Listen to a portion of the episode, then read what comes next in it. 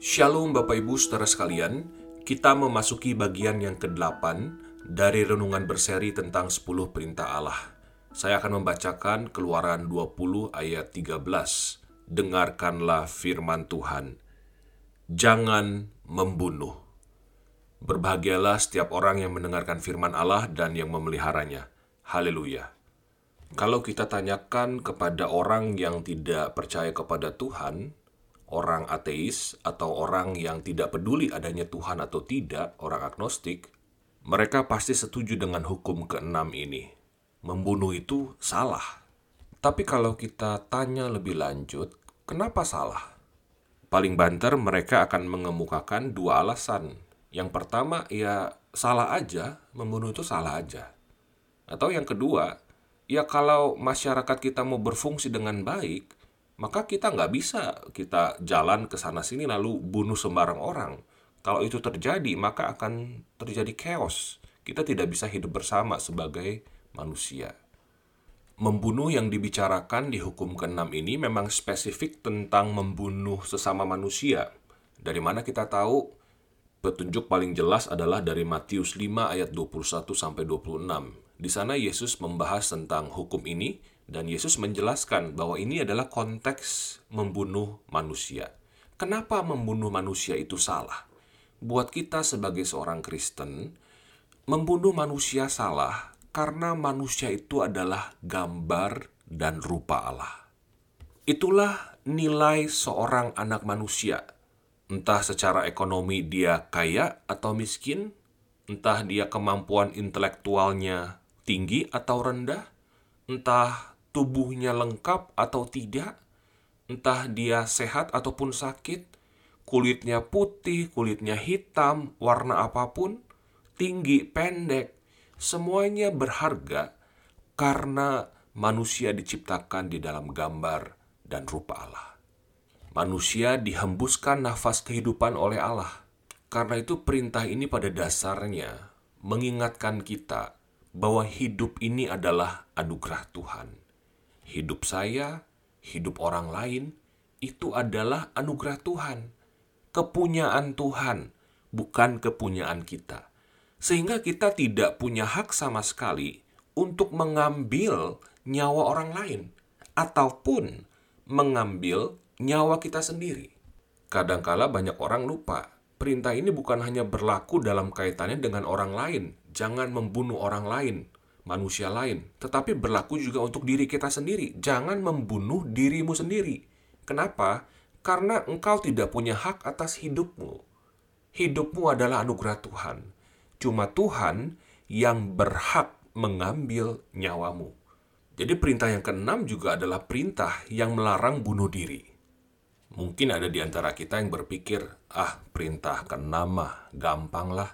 Saya nggak pernah melanggar seumur hidup saya. Saya nggak pernah ngebunuh orang kok. Jangan senang dulu, saudara-saudara. Di Matius 5 ayat 21 sampai 22, Yesus itu menjelaskan. Yesus bilang begini, "Kamu itu telah mendengar yang difirmankan kepada nenek moyang kita, jangan membunuh. Siapa yang membunuh harus dihukum." Ayat 22, "Tetapi aku berkata kepadamu, setiap orang yang marah terhadap saudaranya harus dihukum." Siapa yang berkata kepada saudaranya kafir harus dihadapkan ke mahkamah agama. Dan siapa yang berkata jahil harus diserahkan ke dalam neraka yang menyala-nyala. Apa poin Yesus di sini, saudara-saudara? Jangan berfokus pada tindakan pembunuhan itu sendiri. Pembunuhan itu terjadi karena apa sih? Mulanya dari hati dulu. Ada kemarahan. Kemarahan yang tidak diselesaikan. Ada dendam. Orang tidak tiba-tiba ambil golok lalu bacokin orang, membunuh orang lain. Tidak, saudara-saudara. Ada sesuatu dulu yang terjadi di dalam hatinya. Ada kemarahan yang bertumpuk, ada dendam, sehingga orang tersebut pada akhirnya melakukan pembunuhan. Apakah saudara pernah marah sama orang lain? Pernah marah besar sama orang lain? Bahkan mungkin saat ini ada yang sedang menyimpan kemarahan terhadap orang lain?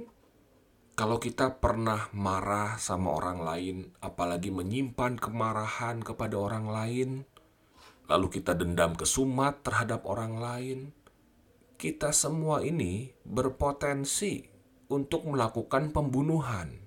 Karena semua awalnya dari hati. Jadi mari saat ini kita berefleksi di hadapan hukum Tuhan yang keenam ini.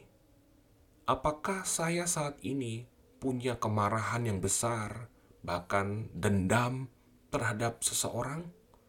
Kalau iya, mari akui dengan jujur di hadapan Tuhan, bawa kepada Tuhan dan selesaikan kita juga mungkin saja tidak melakukan pembunuhan secara fisik, tetapi kita membunuh orang lain di dalam pikiran kita.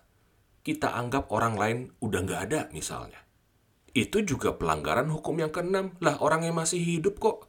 Tapi kita di dalam pikiran kita, kita mau jadi Tuhan. Saya bunuh kamu dari pikiran saya. Saya anggap nggak ada lagi.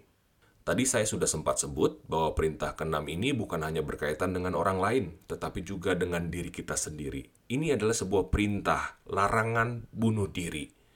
Larangan untuk bunuh diri ini pada dasarnya adalah untuk menjaga kehidupan kita dengan baik. Hidup ini adalah anugerah Tuhan. Jangan ambil nyawamu. Bentuk paling ekstrimnya memang bunuh diri, tetapi ada bentuk yang lebih soft, yang lebih halus Misalnya ketika kita tidak menjaga kesehatan kita dengan bertanggung jawab, sesungguhnya kita sudah melanggar perintah yang keenam. Kita misalnya makan sembarangan, udah tahu misalnya ada penyakit, tetapi makan sembarangan nggak dijaga. Kerja mati-matian sampai-sampai mengorbankan kesehatan. Nggak ada waktu buat olahraga, nggak ada waktu buat tidur cukup, badan rusak. Ketika kita melakukan itu, sesungguhnya kita sedang bunuh diri perlahan-lahan kita merasa kita bisa pakai tubuh kita, hidup kita sesuka hati kita. Perintah keenam menegaskan kepada kita semua, hidup kita ini sakral adanya. Hidup ini adalah anugerah Tuhan. Hidup orang lain sakral, hidup saya sakral. Hidup orang lain dan hidup saya bukanlah properti milik saya. Hidup ini hanyalah milik Tuhan. Karena itu, mari kita jaga kesakralan hidup orang lain dan kesakralan hidup kita sendiri. Tuhan memberkati kita. Amin.